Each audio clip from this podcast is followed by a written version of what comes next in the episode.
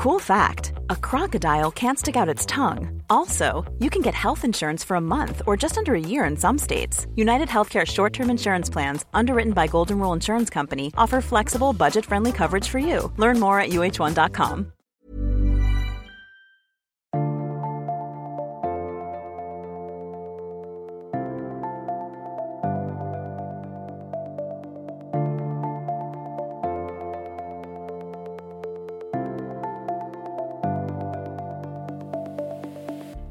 Du hører på Ingefær med meg, Sara Lossius, og i episode 147 så tenker jeg å dele litt av det enormt mye jeg har lært i arbeidet med ingefær i år. Jeg har prøvd i år å ha fokus på hva som gjør oss eh, glade, gir oss en god hverdag og dermed et godt liv. For helse er så mye mer enn mat og trening. Det handler jo om hvordan vi har det, hvordan vi tar det, om nære relasjoner, stress, natur, søvn, jobb, økonomi, hvilke vaner og uvaner vi har, og verdier, for å nevne bare noe av det. Det er mye som påvirker helsen vår, hverdagen vår, og dermed selve livet. Selv har jeg lært så utrolig mye dette året, så å velge ut eh, tre punkter, det var ganske så vanskelig. Men det kommer jo mer fra meg i et litt annet format enn podkast, hvor jeg kanskje deler mer. For tross alt så har jeg skrevet mye i år. Og i denne episoden så har jeg tenkt til å snakke om vaner, stress og nytelse. Jeg håper at hver episode av Ingefær gjør deg litt klokere. Jeg har personlig blitt eh, klokere i år. Og så er det her siste episode på en liten stund. Siden eh, når du hører på det her, så er jeg i mammaperm, og så skal jeg se an litt når jeg ønsker at barselbobla skal sprekke. Men over til lærdommen. Jeg håper at det også er nyttig for deg.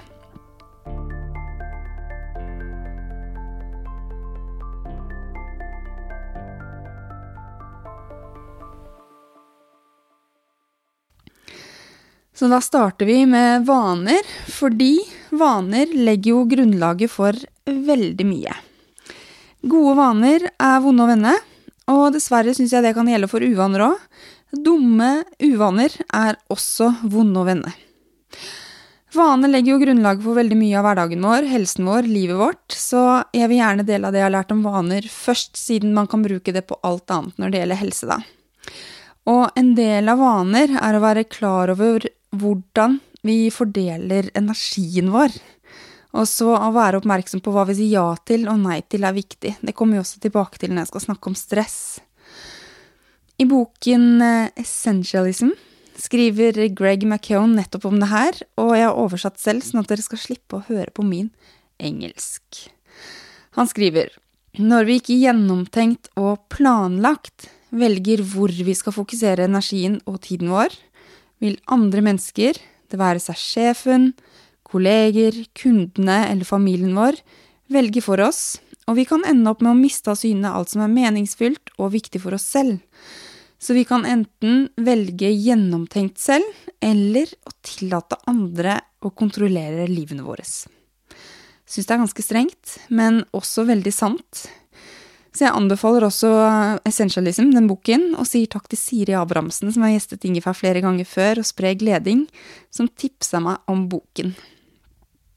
Så hva er en vane?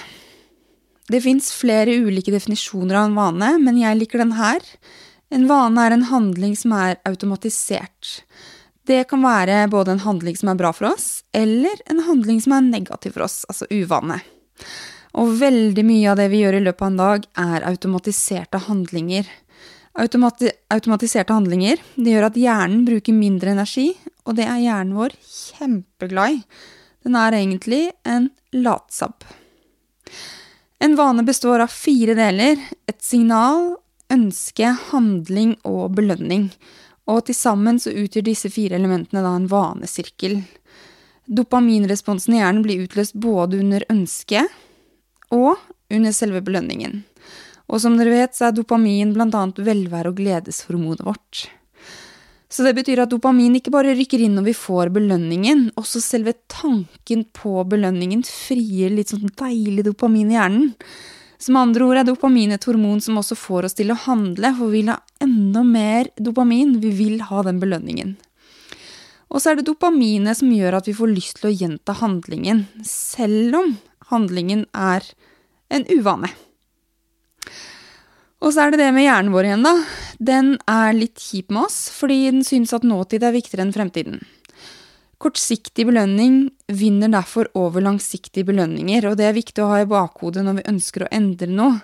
Så når du ønsker å lage en ny, sunn vane, så kan det være nyttig å ha kortsiktige belønninger og mål, i tillegg til det langsiktige, sånn at du spiller på lag med den late, men fine hjernen din. Og så er det kontekst, altså sammenhengen. Det er viktig å tenke på det nå, for vi kan være så motiverte for endring som vi bare kan være, men hvis ikke sammenhengen vår ligger til rette for endring, så vil motivasjonen tape for gamle vaner, som oftest. Og det er igjen fordi hjernen vår liker å bruke så lite energi som mulig. Så vi må med andre ord selv legge til rette for at gode vaner er enkle å gjennomføre, og at de kjipe uvanene blir litt vanskeligere å gjennomføre.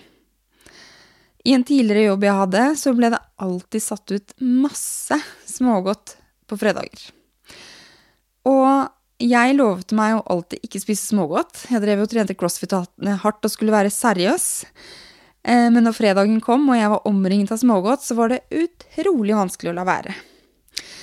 Legger jeg frem treningstøyet om kvelden, så har jeg gjort neste dags trening eller gåtur lettere om jeg ikke har lagt det klart. Og har jeg sjokolade i kjøleskapet, så smånafser jeg til den er borte. Så for meg er det best å ikke ha smågodt eller sjokolade i nærheten, og legge fram treningstøyet kvelden før. Og det er en del av det å spille meg selv god på de dårlige vanene og de gode vanene. Så litt om motivasjonen. Venter du på motivasjon for å gjøre en endring, så kan det hende at du venter forgjeves. For det kjipe med motivasjon er jo at den kommer sjelden når vi trenger den som mest. For hvis vi er helt ærlige med oss selv, så er det ikke mandag ettermiddag, når middagen ikke er planlagt eller handlet inn, treningsøyet ikke er lagt frem, kanskje det ikke er rent engang, og huset er rotete etter en hektisk morgen. Det er ikke da at motivasjonen til en liten økt og sunn middag kommer, for motivasjonen var der i går, på søndagen, etter en helg med god mat og kanskje snacks i tillegg, da du lå på sofaen med mobilen og scrollet etter sunne oppskrifter på Instagram. Det var da vi var supermotiverte til å starte en skikkelig bra uke, og nå derimot virker det skikkelig strevsomt. Middagen blir som passe næringsrik, treningen, den utgår. Motivasjon er det som kan få deg i gang, men det får deg altså ikke videre. Jeg tror at det er de kjipe dagene hvor man likevel møter opp, eller de kjipe treningene som gir resultat på sikt, selv om du kanskje bare beveget på deg fem minutter på treningssenteret eller hjemme i stua, eller nesten ikke fikk gjort noe på jobb, men du møtte opp. For hvis vi venter på motivasjon for å gjøre en ønsket handling, så tror jeg at vi ikke beveger verden vår fremover så mye som vi ønsker. Og det er litt dumt. Og det siste jeg har lært og erfart rundt eh, vaner i år, er å endre litt og litt av gangen. Mange av oss, deriblant jeg, har en tendens til å bare skulle starte alt på en gang. Men vi har en tendens til å overvurdere egen kapasitet. Så å endre én vane i måneden, eksempel, da kan du endre tolv vaner i året, og det er jo kjempebra. Bygg sten på sten, gjør litt i stedet for mye, sånn at man opplever mestring. For opplever du mestring, så kommer motivasjonen kanskje litt mer på lasset. Og faller du av hesten, kom deg på igjen, i stedet for å kjefte på deg selv fordi du ikke klarte det. Og er det noe barn er gode til, er det nettopp det her, og det syns jeg vi skal lære av barna våre. A lot can happen in the next three years. Like a chatbot may be your new best friend. But what won't change? Needing health insurance. United Healthcare Tri Term Medical Plans are available for these changing times. Underwritten by Golden Rule Insurance Company, they offer budget friendly, flexible coverage for people who are in between jobs or missed open enrollment. The plans last nearly three years in some states, with access to a nationwide network of doctors and hospitals. So, for whatever tomorrow brings, United Healthcare Tri Term Medical Plans may be for you. Learn more at uh1.com. Ryan Reynolds here from Mint Mobile. With the price of just about everything going up during inflation, we thought we'd bring our prices down. So to help us, we brought in a reverse auctioneer, which is apparently a thing. Mint Mobile unlimited premium wireless. Ready to get 30, 30, bit to get 30, bit to get 20, 20, 20, bit to get 20, 20, bit to get 15, 15, 15, 15 just 15 bucks a month. So, Give it a try at mintmobile.com slash switch. $45 upfront for three months plus taxes and fees. Promo for new customers for limited time. Unlimited more than 40 gigabytes per month. Slows. Full terms at mintmobile.com. Og så over til stress og stressreduksjon. Og jeg tenkte å dele noen effektivitetstips og tre ting som jeg selv har gjort for å roe reka litt. rann.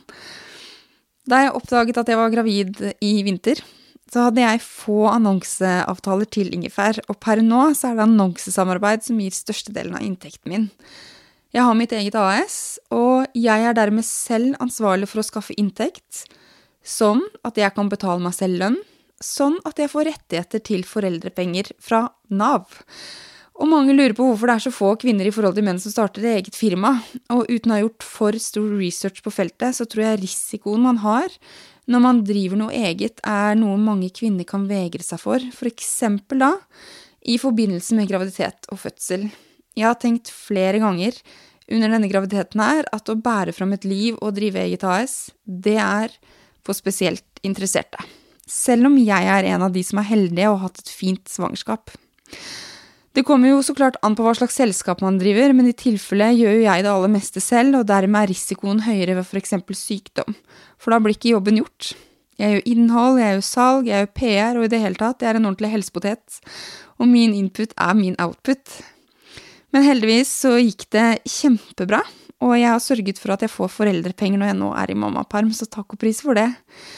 Og heldigvis nummer to så har den erfaringen gitt meg verdifull læring som jeg tror alle, samme om de er gravide eller ei, eller driver egen business eller ei, kan lære av. Og det skal jeg dele nå. Jeg ble nemlig tvunget til å prioritere beinhardt for å sørge for bærekraftig inntjening, bærekraftig bruk av egen tid og energi, og samtidig etterstrebe å lage et godt produkt for dere lyttere.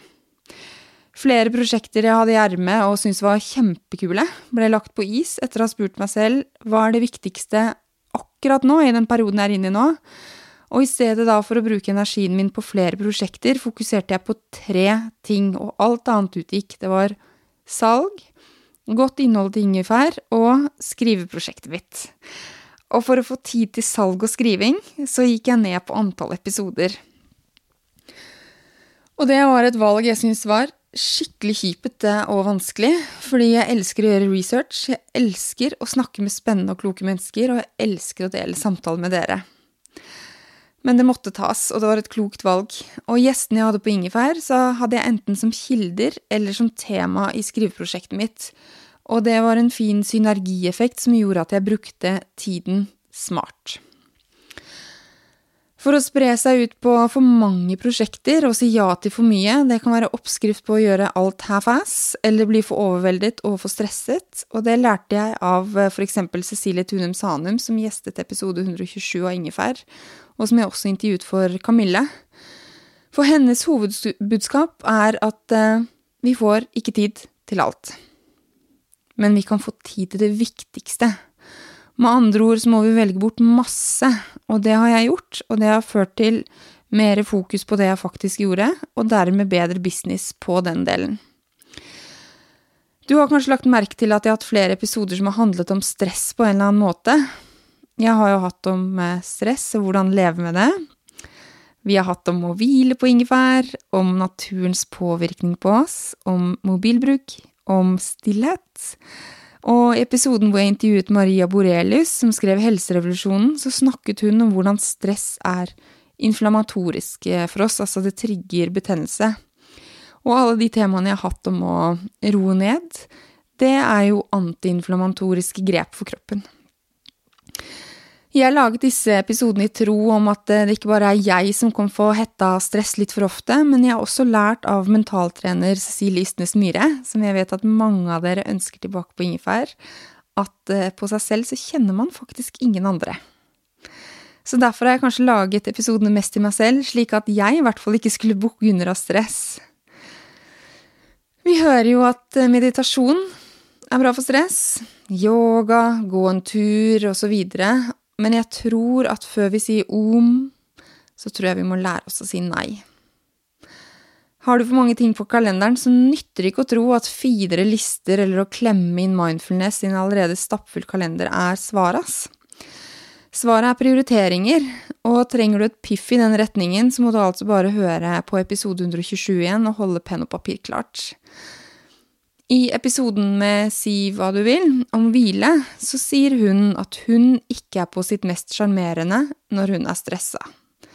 Og jeg skriver under på den, og jeg vet at flere ville rekket opp handa hadde jeg spurt om det. Selv blir jeg eksempel sinna mamma når jeg får stressa. Jeg opplever at det å ta ut av oppvaskmaskinen eksempel er like viktig som å fakturere, og det er det overhodet ikke. Jeg våkner med hjertebank om natten som jeg ikke klarer å roe ned, blant annet, og det er tydelig tegn på at akkurat nå er det for mye. Og det tror jeg mange av oss opplever. Langvarig stress gjør, som vi har lært litt eh, på ingefær i år, det gjør oss mindre empatiske, mindre effektive, vi får dårligere sexlyst, immunforsvar, psykisk helse osv. osv. Og så vil jeg si at jeg tror at eh, en del av det stresset vi opplever i dag, ikke alltid er vår egen skyld, for vi har lett for å ta det på vår egen kappe at vi ikke fikser ting. Men jeg tror også det ligger på strukturelt nivå, altså hvordan vi har organisert samfunnet.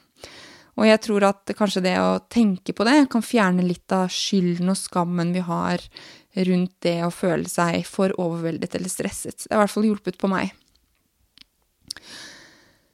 En god definisjon på stress er stress er en tilstand hvor du føler at det kreves mer av deg fra omgivelsene enn du har ressurser til å takle, uansett hva det måtte være. Vi har jo alle ulike toleranseterskler for stress på ulike stader i livet, og jeg innså i eh, februar, når jeg fant ut at jeg var gravid, at eh, det var altfor mye på en gang i livet mitt. Sånn her ville ikke jeg leve det, fordi var det meningen med livet å eh, vekke Jon midt på natten for at han skulle stryke meg på brystet for å roe ned hjertet mitt? Nei. Sånn var det i hvert fall ikke for meg. Jeg ville ikke ha det sånn. Og disse tre grepene jeg lister opp nå, det er det som funka for meg for å roe meg ned litt. I tillegg til de nevnte effektivitetstipsene, da. Så én To do-listen i løpet av dagen har blitt vesentlig kortere enn tidligere. Bør er ikke det samme som må og jeg har øvd meg på å skille de to. Bør er ute av to do-listen min mest mulig. Hva er det viktigste nå, har jeg spurt, og hva får størst konsekvenser om jeg lar være? Og her lener jeg altså meg på Cecilie Tunum Sanum. Og med kortere to do-liste så får jeg gjort mer av det på listen, og dermed ender dagen oftere, ikke alltid da, men oftere med en bedre følelse og en følelse av mestring, og det gjør at jeg lettere får ny giv dagen etterpå. Punkt nummer to er gode vaner rundt helse og egenomsorg. Det har vært kjempeviktig for meg. Jeg har så godt jeg har kunnet spist bra og beveget på meg. Næringsrik mat er, som vi vet, viktig for eh, kognitiv funksjon, humør og også generell helse, og hvis jeg blir syk, så blir jo ikke jobben gjort. Derfor er det ekstra viktig for meg å behandle meg selv godt. Betyr det at jeg spiser fantastisk hver eneste dag? Nei. Betyr det at jeg aldri spiser noe med sukker? Mm, mm. Det betyr heller ikke at jeg får trent eller beveget meg nok, for f.eks. i denne graviditeten så har jeg vært for stillesittende, her står det sedat. Jeg har en tendens til å nedprioritere særlig å gå nok, til tross for at jeg vet hvor viktig bare å gå er. Men helse og det gode liv er jo ikke en prestasjonsarena. Så her har jeg i hvert fall eh, litt å gå på, si. Og andre vaner jeg har som gjør meg godt, og som bidrar til å redusere indre stress, det er å skrive dagbok så ofte jeg kan. Det er å være med jentene mine. Kveldsritualet mitt med annet avslappende hudpleierrutiner, ha sex, god musikk og guidede meditasjoner. Og så er jeg blitt litt bedre til å puste dypt jevnlig, som vi vet bidrar til å redusere stress. Og det siste punktet da, altså første er to do-listen er kortere, også gode vaner rundt helse og egenomsorg, og det siste punktet er jeg nyter mer. Og det er faktisk neste og siste læringspunkt dette året, og det er å tørre å ha det godt. For lenge siden, for to-tre år siden, tror jeg, så intervjuet jeg den svenske yogaprofilen Johanna Hector. Hun snakket om å være et helt menneske, og hun sa noe som før yoga, da var jeg bare i hodet mitt, og med yoga ble jeg hode og hjerte. Og så oppdaget jeg Mamma Gina, og nå er jeg head, heart and pussy, sa hun på svensk. Og det er kanskje unødvendig å si at jeg rett etter det intervjuet kjøpte boken til Mamma Gina, som heter Pussy Reclamation. Og det ville kanskje blitt eh, oversatt til sånn å ta tilbake fitta eller noe sånt. Det har alltid irritert meg at ordet fitte er et skjellsord, når det heller burde være en hedersbetegnelse. Fordi der blir jo liv laget, der fødes liv, og klitoris har 8000 nervehendelser. Eneste oppgave er å gi oss klimaks. Det er kjempefett. Å lese boken til mamma Gina var utrolig befriende. Hun kobler lyst og nytelse for oss kvinner til hele livet, altså ikke bare til sexakten med deg selv eller med noen du er glad i, eller har lyst på. Hun mener at den patriarkalske kulturen består i å sette mål og lide seg gjennom prosessen, mens for oss kvinner så er det nytelse og lyst som får oss dit vi vil. I stedet for å alltid tenke på med fornuften, så anbefales vi å tenke med lysten. Det får oss nærmere hva vi vil med livet vårt, og gir oss et best mulig liv. Så jeg tenkte at det skulle jeg teste. Et av mine nyttårsforsett var da å sjekke det her. Hva om jeg i stedet for å lage meg harde, konkrete mål om hva jeg skulle oppnå i businessen, hadde som mål å ha det godt på jobb hver dag? Fordi jeg var så sliten av å måtte prestere hele tiden, og så ønsket jeg bare å se om det å ha det godt ville føre fram til gode resultater. Og for meg fungerte det. Jeg har hatt det bedre på jobb hver dag, og med det mye mer energi til å brette opp ermene og gjøre alle delene av business som jeg ikke syns er noe som helst gøy. For eksempel administrativt arbeid, som jeg ikke er kommet til jorden for å drive med, men før så klikka jeg omtrent i vinkel når jeg logget inn i nettbanken. Nå gjør jeg det i fred og fordragelighet, i visshet om at det er godt for businessen, og dermed godt for meg. Og alt som er gjort, det er jo digg. Men nytelse handler ikke bare om å ha det godt på jobb, det handler om alle aspekt i livet. Tiril Refsum, som er gründer av Oslo Rå og gjestet Ingefær tidligere, hun prater jo også mye om det. Hun fremmer eksempel sunne kaker til frokost, og se på det og nyte som noe grunnleggende, noe viktig i livet, kanskje særlig for oss kvinner. Det får oss nærmere essensen i livet, og jeg sier meg enig. Har sett på det å nyte som litt farlig, eh, litt syndig, for bare tenk på det. Når det gjelder mat, så hører eksempel søtt og da ordet syndig sammen.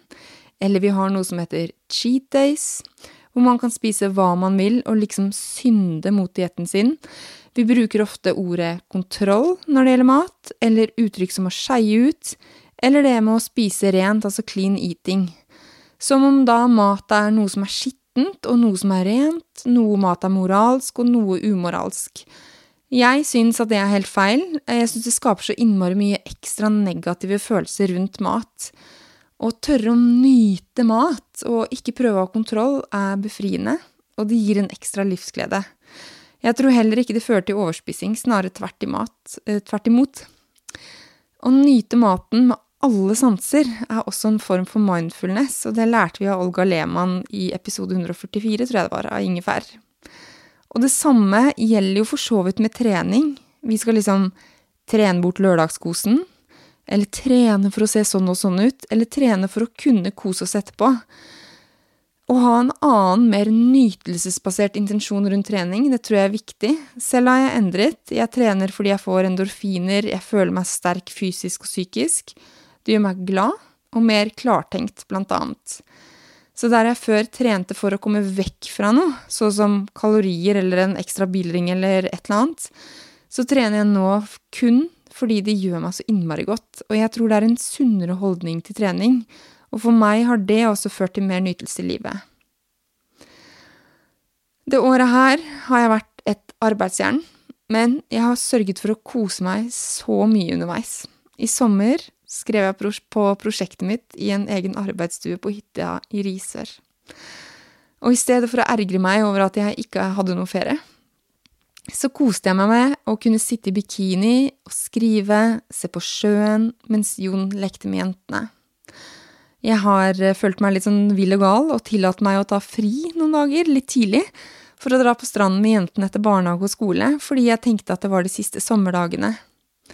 Og når jeg har hjemmekontor, så brenner jeg alltid levende lys, jeg har ofte gode eteriske oljer i diffuseren fordi det gir god stemning. Og hver gang jeg skriver dagbok, så nevner jeg det jeg er takknemlig over. Det kan godt hende at det er litt sånn banale ting, men det gir meg veldig mye, og som vi lærte i episoden med Helserevolusjonen, det er godt for helsen nå. Så nytelse og det å tørre å ha det godt, altså være mind, heart og pussy, det gir merverdi til livet og økt egenkjærlighet, det er jeg sikker på. Nytelse er en skikkelig superkraft, rett og slett. Så for å summere opp Det er eh, vanskelig å snakke om hva jeg har lært i bare noen få punkter, for samtidig som magen min har vokst, har jeg altså lært så innmari mye, og det henger jo også sammen med skriveprosjektet, men også prosessen det har vært med å bære fram et nytt eh, liv som selvstendig næringsdrivende og ha to barn fra før. Å være gravid uten barn er ganske så ulikt som å være gravid med ett eller flere. Jeg har på en måte ikke hatt så mange muligheter til å hente meg inn og hvile, eksempel. Så derfor så tenker jeg alltid å istedenfor å sammenligne seg med andre eller sammenligne seg med den man var før, må man se livet sitt i kontekst og tenke at energien ikke er utømmelig. Vi trenger lommer til å hente oss inn, og må porsjonere ut den energien vi har, på en klok måte. Ingen av oss klarer alt samtidig, men litt etter litt så kan vi få til så utrolig mye, kanskje mer enn det vi tror. Jeg er i hvert fall utrolig takknemlig for dette året her på Ingefær. Jeg er takknemlig for gjestene mine. De stiller opp, de deler raust av tid, kunnskap, sårbarhet, erfaring og selve livet. Det er helt fantastisk. Jeg er takknemlig for å ha laget min egen jobb, som kombinerer det jeg liker aller best i livet, nemlig å lære, snakke med folk og skrive og dele så er jeg takknemlig for alle, eh, alle annonsørene som har sett potensialet i podkasting generelt og ingefær spesielt, og som gjør det mulig for meg å fortsette å lage ingefær. Jeg er takknemlig for eh, svært god lyttertall. Jeg er takknemlig for å kunne skrive jevnlig Kamille, og ikke minst er jeg takknemlig for at du lytter på ingefær. Dere gir feedback. Dere gjør endringer i livet og skriver til meg for å fortelle det. Dere deler av deres historie til meg, dere tipser meg om temaer og gjester, dere deler episoder dere syns er viktige med folk dere er glad i, og så bruker dere faktisk en time i uken på ingefær når det er så mye dere kan bruke tid på. Det er jeg helt fantastisk takknemlig for. Og jeg håper dere følger med videre sånn etter hvert, for jeg er altså i en liten mammaperm. Men jeg er nok på Instagram som Sara Lossius sånn passe jevnlig, og så deler jeg spennende ting når jeg kommer over det i den lukkede Facebook-gruppen Ingefær podkast med Sara Lossius. Så fine folk, inntil vi høres igjen, ta vare på deg selv og de du er glad i. Ha det.